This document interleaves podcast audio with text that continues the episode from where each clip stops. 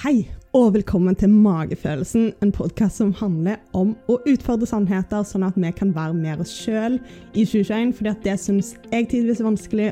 Og dette gjør jeg rett og slett med å snakke om litt sånn vanskelige temaer. Jeg snakker med kjempekule damer på denne her podkasten, og i dag så snakker jeg med Charlotte Askim, som har starta Total Control. Hun er ei dame som har bevist at det å skille seg ut faktisk kan være positivt når du er gründer, og det er jo ikke noe som alle kanskje tenker på. Hun har tatoveringer, hun har piercinger, hun er dame, og hun farger faktisk håret blått for å bli lagt merke til, rett og slett. Så dette her er faktisk noe som hun har gjort for businessen sin, og ikke til tross for, og det syns jeg er utrolig kult. Så vi snakker selvfølgelig om det å tørre å skille seg ut og velge den veien som er rett for seg sjøl, og hvordan magefølelsen faktisk kjennes ut. Det å føle at det du gjør, betyr noe, og gjør at du har det bra, rett og slett. Charlotte har starta Total Control med sin businesspartner, og de tar tak i en problemstilling som jeg syns er så viktig, og det er matsvinn. De hjelper privatpersoner og bedrifter med å redusere matsvinnet sitt. De viser hvordan dette her både er lønnsomt, både fordi at det, det, koster penger å kjøpe en råvarer, men òg fordi at de sparer så enormt mye tid. Og det er en forretningsidé som jeg virkelig, virkelig står bak. fordi at vi vet ikke helt tallene, men vi kaster mellom én til to tredjedeler av all mat som produseres her i Norge, og det er altfor mye. Så her er det mye å ta tak i. God lytt! En ting jeg syns var veldig gøy å lese, var at du sa at du slutta på fotball fordi at det slutta å være gøy. Og det ser jeg veldig opp til, for det tror jeg det er mange som eh, ikke tør når de har kommet så langt. Å være så ærlig med seg sjøl. Hvordan og hvorfor sørger du for å ha det gøy på jobb nå? Godt spørsmål. Altså, jeg vil si at i fjor, altså pandemiåret, tenkte jeg å si, var absolutt et år hvor jeg hvor jeg ikke hadde det så gøy. Eh, og det tror jeg ingen hadde. på en måte. Så i år så har jeg jo tatt et blikk på fjoråret og sagt nå må spilleren meg få ha det gøy igjen. liksom. Vi lever bare én gang, nå må vi bare venne oss til situasjonen her og gjøre det beste ut av det. Og så har jeg til og med noen tatoveringer som på en måte sier at de bør egentlig ha det artig. og jeg har vurdert så mange ganger å ta sånne. Veldig ofte på ferie, men jeg har ikke kommet så langt. det, det, gir deg liksom en god påminnelse når du må se på kroppen din at OK, det du bør egentlig gjøre. ja. Ikke sant. Men jeg tror nok at det som nå, da Nå skal det sies at jeg jobber ganske mye, så jeg, liksom, jeg kan ikke skryte på meg at jeg har så mye hobbyer lenger. Eh, mm. Hobbyen min er også å jobbe. Men det som er at jeg kanskje tar med tid til f.eks. å eh, male eller bygge ting eller gjøre ting som jeg trenger for i mitt hode da, for å ha det artig, som gir et uh, pusterom til hodet mitt i forhold til å bare sitte på PC-en, være i møter og sånne ting.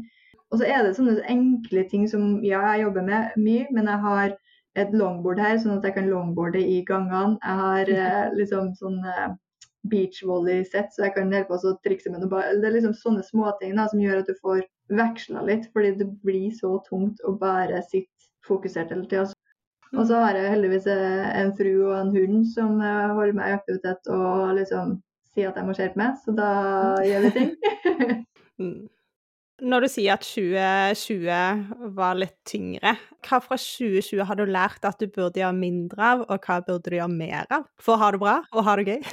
ja, det jeg bør gjøre mer av, er å ha det mer artig. Eh, og, mm. og slappe av litt mer og liksom være egentlig litt mer stolt over det vi har fått det, og det er mm. fått det. For jeg tror nok at det som man fort tar for gitt når man bygger bedrift, er jo at man alltid tenker på neste steg. Man glemmer å tenke på hva man faktisk har oppnådd. Mm. Um, sånn at hvis jeg ser på tilbake på året som var nå, så er jeg ekstremt stolt over det faktum at jeg klarte å ta selskapet mitt gjennom denne krisa.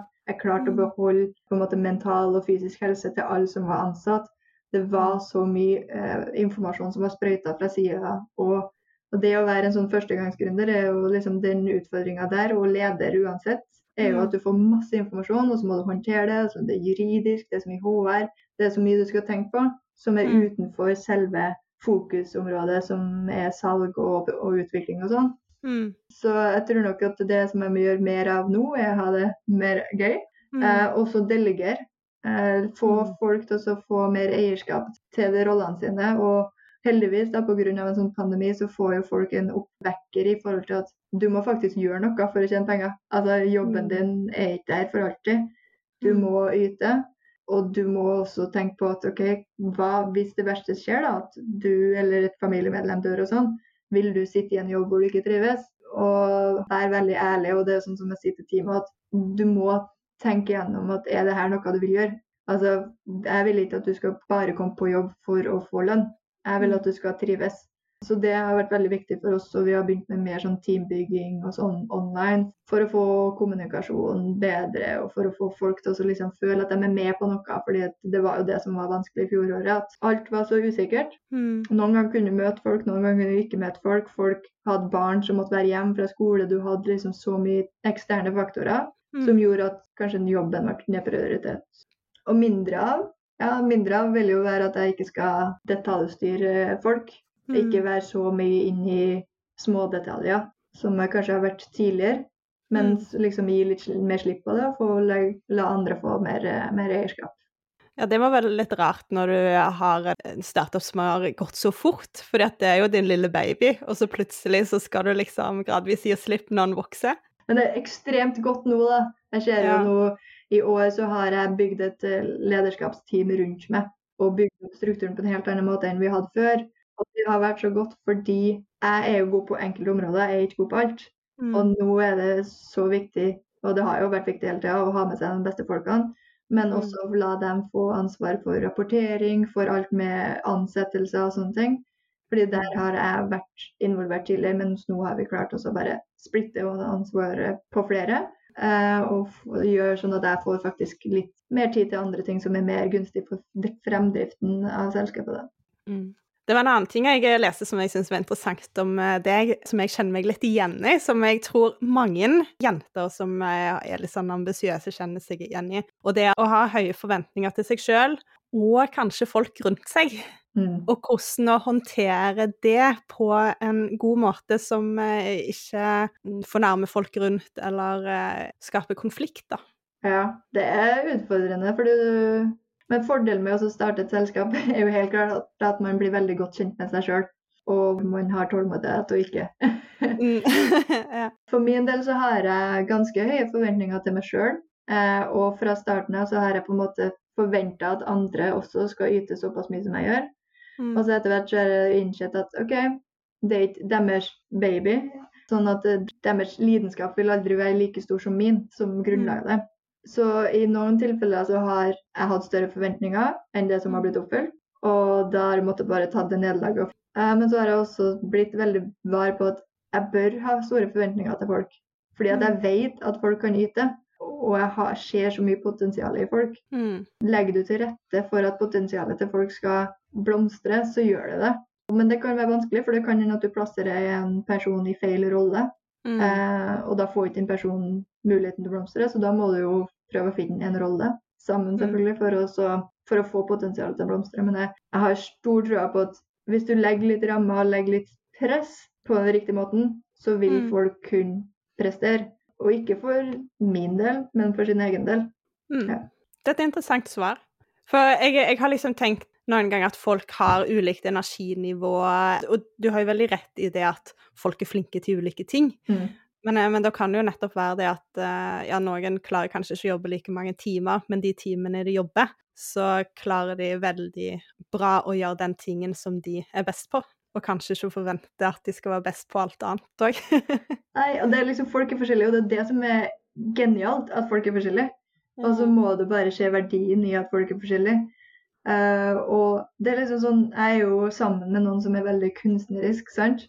Og hun har ikke det samme mindsettet som meg når det gjelder jobbing. Jeg er jo mer en sånn står opp tidlig om morgenen, jobber, gjør det jeg skal og sånn. Men det fungerer ikke for en mer kunstnerisk sjel. Og da må du ta høyde for det. Og da må du på en måte plassere dem i et space som passer for dem, og hvor de kan skape resultater da, uten å Mm. bli satt i en bås for å passe inn i en 9-4-jobbing. Og så må du jo tenke på hva som er behovet for bedriften. da. Altså, Trenger jeg folk som er kreative eller ikke? For jeg kan jo tilpasse meg alle. må, altså folk må jo også tilpasse seg settinga som er bedriften vår og det teamet vårt, men vi har jo vært ekstremt heldige. Vi har så mye forskjellige rare folk, i positiv forstand. Fra forskjellige kulturer med forskjellig legning og eh, fra forskjellige land og sånn, og det er jo det som er artig. Når du ser at masse forskjellige folk jobber bra sammen og mot samme mål, og er ekstremt forskjellige, og utfordrer hverandre og krangler og, og hjelper hverandre opp og fram. Jeg tror nok Hvis du klarer å utnytte at folk er gode på ting, du må bare finne Mm. ut sjøl, og de må finne ut sjøl hva de er gode på. Ja. Det har jeg veldig troen på, det å ansette folk som ikke nødvendigvis er som seg sjøl. Mm. For det tror jeg det er veldig mange som gjør. Ja, og det er liksom veldig vanskelig å ikke gjøre det òg. Ikke noen, men ikke alle. Sant? Ja. Det kan bli litt mye av bare én, at alle er flinke på det samme, kanskje. Jeg tror jeg hadde blitt ganske gal hvis det hadde vært flere av meg i i selskapet. Ja. Greit å ha innsikt på det, da. Det virker som du har mange baller i lufta og høyt tempo. Hvordan unngår du å slite deg ut? Mm, det er dypt. Jeg tror nok fordelen og ulempen ja, Jeg vil si at det er en fordel. Fordelen er at jeg brant meg ut når jeg var 14 år. Mm. Så Så har jeg vært gjennom det før jeg starta firmaet. Hva skjedde da? Jeg har jo alltid gått på skole, og så har jeg alltid jobba. Så jeg har alltid hatt to-tre jobber ved siden av skole, pluss at jeg har hatt fotball seks dager i uka. Så ble det for mye. Det var ikke lange perioden, men det var jo sånn at jeg måtte ta en hel stopp. Jeg måtte kutte på ting og måtte, måtte sikre at jeg hadde det bra igjen. Da.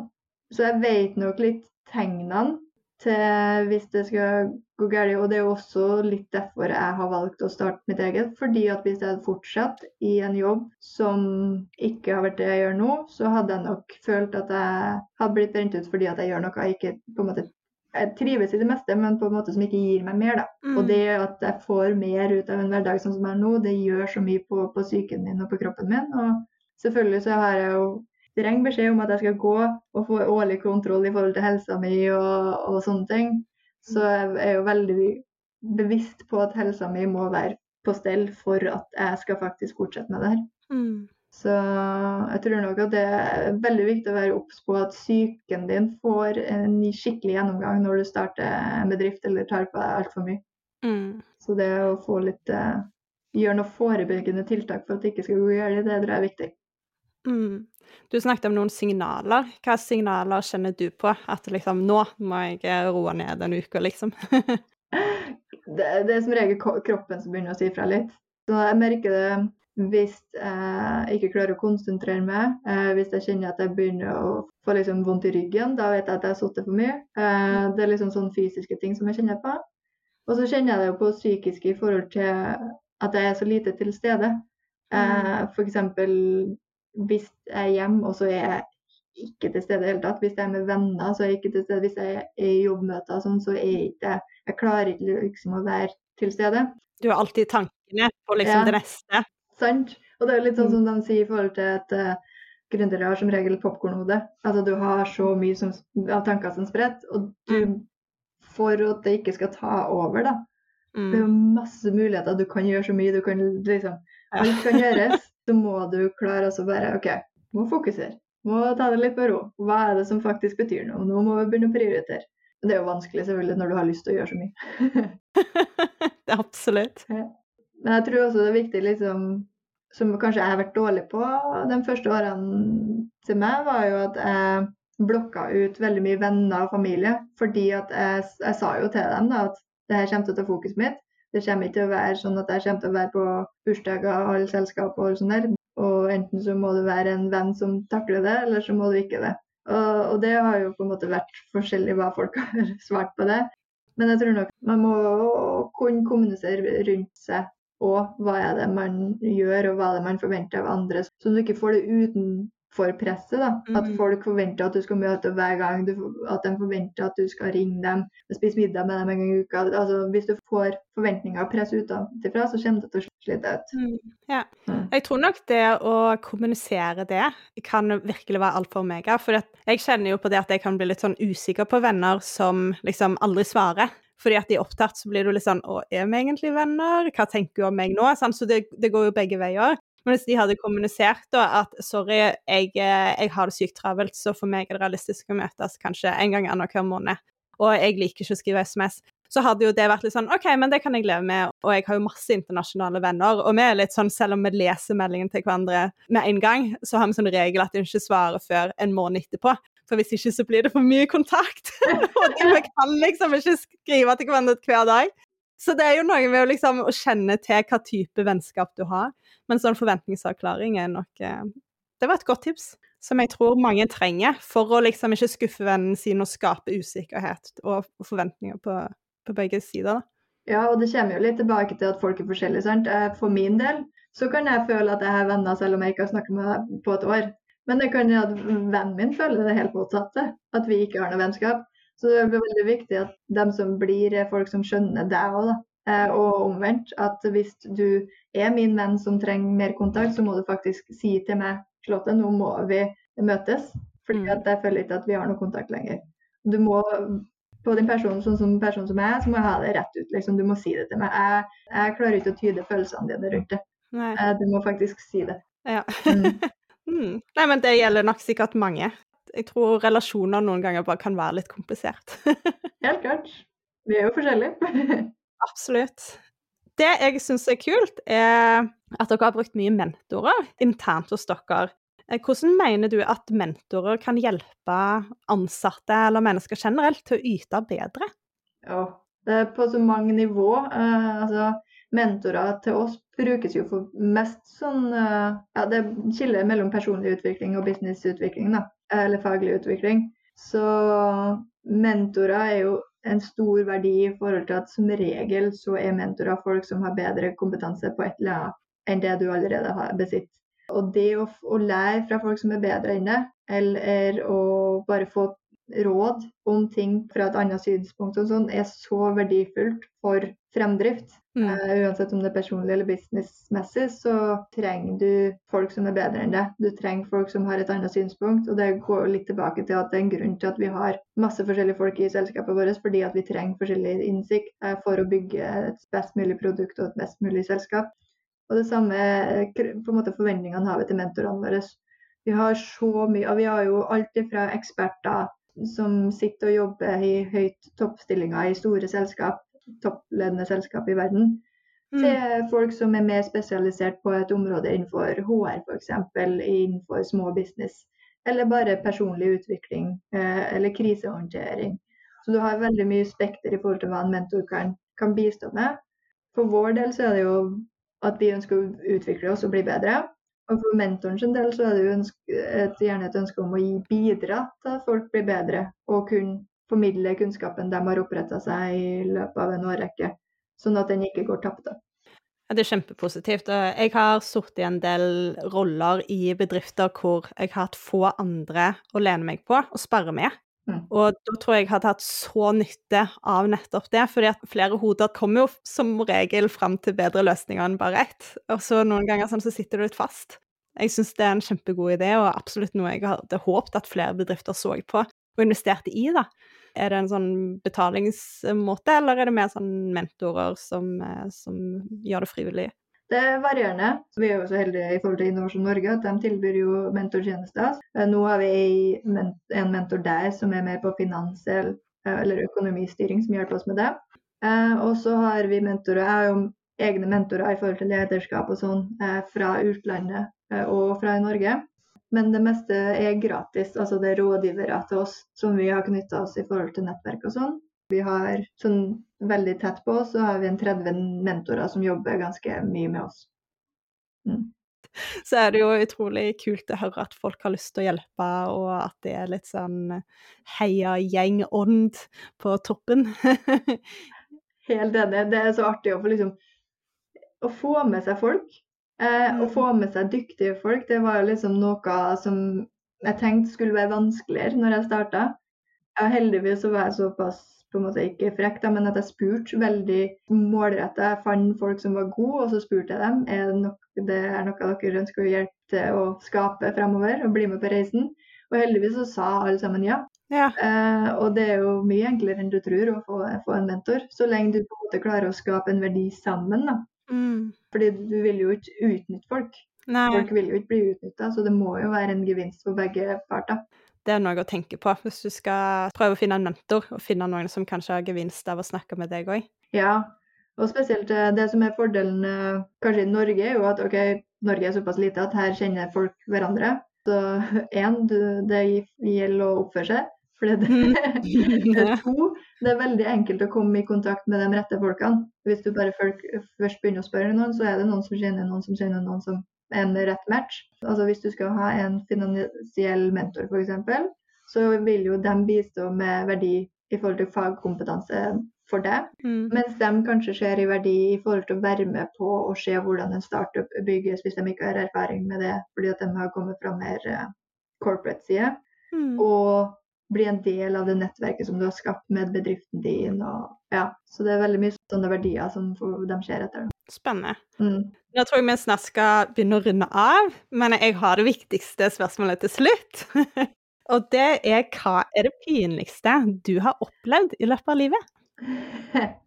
Jeg lurer på om jeg skulle holde det til businessmessig og ikke noe mer personlig.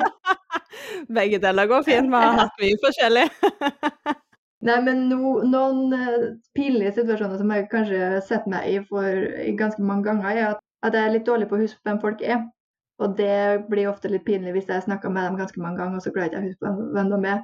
Og det er litt sånn standard, litt kjedelig svar, men det er sånne ting som jeg syns er pinlig. Og hvis jeg presenterer på en scene, og så har jeg funnet ut etter jeg presenterer at ah, presentasjonen min var ikke retta riktig mot publikum, det var feil publikum. Jeg, altså, jeg trodde kanskje at publikum var en annen målgruppe, og så var det litt sånn mismatch i forhold til målgruppa og, og presentasjonen og, og det som ble Mm. videreført.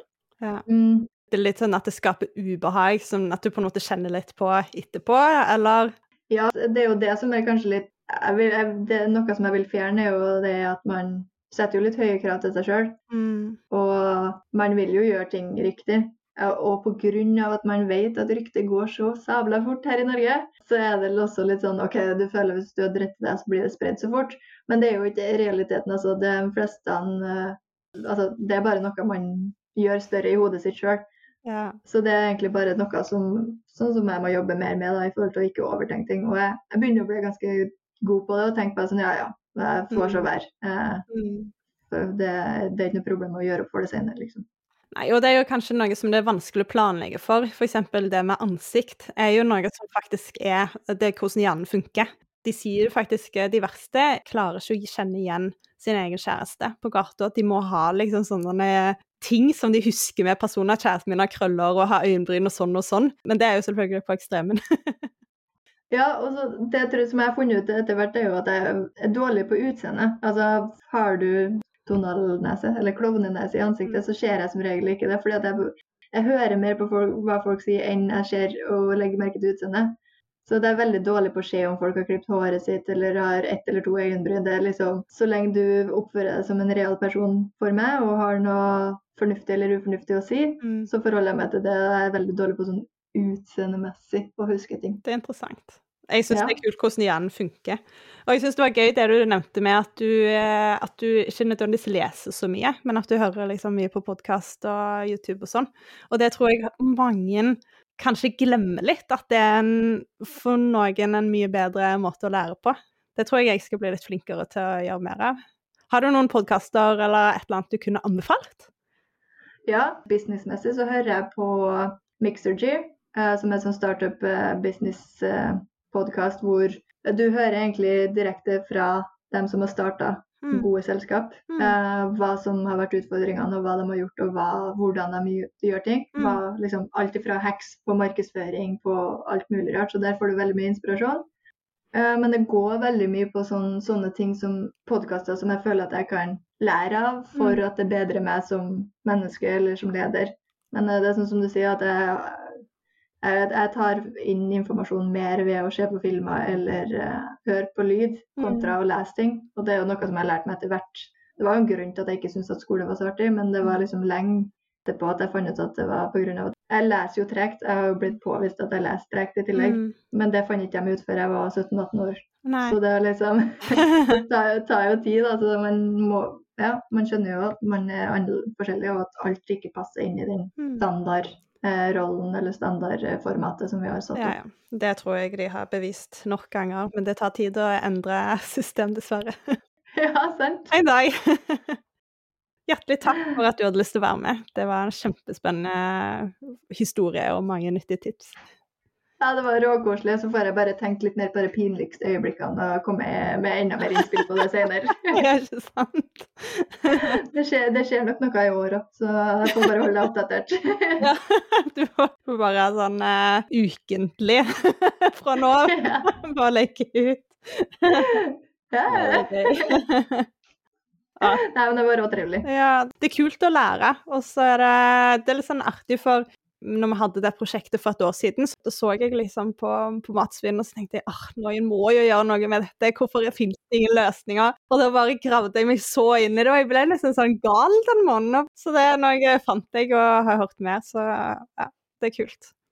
Ja, men Så bra. Det er liksom godt å høre at det er flere som har hatt problemer og at eh, ønsker å ha gjort noe med det, så bare ikke funnet noen løsninger på det. Mm. Men det er jo kult. Du har jo, høres det ut som liksom en rett kombinasjon for å faktisk ha gjennomslag på sånn stort plan, da. Og det er jo det som er viktig, at noen ja, klarer å virkelig skape business ut av det. Ja, det er helt skrevet. Men det, det er sånn som vi snakka om, at det er utfordrende å være den som tenker stort, og sånn når du, når du alltid på en måte blir litt pressa ned på at ja, men eh, nå må du tenke lite her. Ja. Og så liksom få, for det er jo så artig å tenke i store baner og få ting til å skje. Og da får du med deg så mye folk, og det er liksom det som skjer mer og mer nå. At nå har folk lyst til å redusere matsvinn, de har lyst til å være med på det her og skape en bedre ver verden. Og det er så artig å se. ja. Eh, Men det er jo absolutt tungt å være en del av dem som først starter den prosessen. på det. Ja, det har alltid vært eh, vanskeligst å være først ute. Og det er noe, Mm. noe jeg faktisk har tenkt på med podkasten du spurte om jeg hadde lyst til å gjøre den større. Og jeg tror kanskje det jeg er nødt til å gjøre på sikt, at jeg må på en måte kanskje snevre inn litt. Men i mitt Mm. hode så henger alt dette her sammen. Og så vet jeg ikke helt om de gjør det for alle andre. Bærekraft, mental helse, helse, likestilling, bistand. Mm. Det handler om å gjøre verden til en bedre plass, og jeg tror vi trenger det i en kombinasjon for å komme til den framtiden som vi trenger. Hvis du skjønner? Sånn funker det oppi mitt hode. Ja, men jeg er helt enig. Og det er liksom, jeg tror du har samme tankegang som meg, at du ser helhetsbildet. sant? ja. Men det er veldig få som gjør det. De ser på én av delene, og så tenker de OK, men hvorfor liksom fokuserer du ikke her? Ja, men det at du bare klarer å holde det fokuset på store bildet, Mm. det gjør jo det mye enklere for deg altså, gå framover, egentlig. Fordi da skjønner du sammenhengen, selv om kanskje ikke andre, alle andre rundt deg gjør det. Du velger nisje, da, for å liksom Mm. dra folk inn. Og så bare 'Å, men jeg vil ikke! For det er spennende, alle disse ulike temaene, da. Og, nei, vi får se. Så, ja, så lenge det er en sammenheng. Men det er jo det, er jo det vi har blitt utfordra på, vi òg, liksom, fordi vi har gjort så mye. Mm. Så nå må dere fokusere, fokusere, fokusere. Og i faktisk i år da, så skal vi fokusere mer fordi det er litt sånn gevinsten i forhold til impact og, og businessmessig, så er det gunstig. Men det er jo sånn eh, Så lenge det er en sammenheng, og du klarer å kommunisere den sammenhengen, så går det jo bra. Mm, absolutt. Mm. Ja, jeg tror jo, altså Jeg ser jo for dere for å liksom ikke ende opp med å svømme for mye, så er det jo sikkert greit å liksom ikke vokse altfor fort heller. Ja, sant? Bare bli ekspert på det først, og så kan du ta over verden etterpå. Ja. Jeg, jeg har en tendens til å forenkle ting i mitt hode òg, men jeg vet jo at det er ganske krevende å endre store prosesser internt i industrier og bedrifter. Det er sant, men det trenger ikke å være så komplekst som eh, det er så mange som får det til. Altså, det er jo, det er jo menneskene som er problemet. Ja, rett på robotene, og så fikser vi alt. ja. Tunge. Nei, men det, det er helt klart mye sånn menneskelig eller eh, ja, menneskelig, det er utfordrende. Og Mm. det er det som er utfordrende med å bygge business generelt, det er jo folk. Ja. Men det er jo også det som er mye av den store verdien nå, da, og det som er artig. Ja. Så du må liksom gi litt og ja, ta litt. ja. Supert. Tusen takk. Det er bra. Nei, men i like måte, ha god helg. I like måte. Ha det bra. Ha det bra. Hvis du liker denne episoden, så lytt veldig veldig gjerne til noen av mine andre podkastepisoder. Jeg har intervjua noen av de kuleste damene i Norge, så her er det masse inspirasjon å finne. Jeg bare kjenner meg så beæra som har fått lov til å snakke med dem. Og jeg håper at du òg virkelig kan finne noe i disse samtalene som gjør at du tør å ta valg som er rett for deg, at du tør å kanskje ta tak i noen ting som ikke funker helt, sånn at du får en hverdag som du trives med, både på jobb og i hverdagen. Det er veldig mange ulike episoder, men det de fleste handler om, det er hvordan å nå mål, og hvordan å gjøre det som er bra for deg, samtidig som du gjør noe som er bra for samfunnet. Og Derfor så har jeg stort fokus på temaer som mental helse, helse, likestilling, bistand og bærekraft. Dette er temaer som jeg syns er kjempespennende og så viktige i den verden vi lever i. Og det håper jeg at du òg syns, og derfor la deg inspirere. Sjekk meg ut på sosiale medier. På Instagram så heter jeg Magefolsen med OE. Og følg podkasten der du lytter, og skriv en review. Det hjelper meg til å nå ut til mange, mange flere. Ha det bra.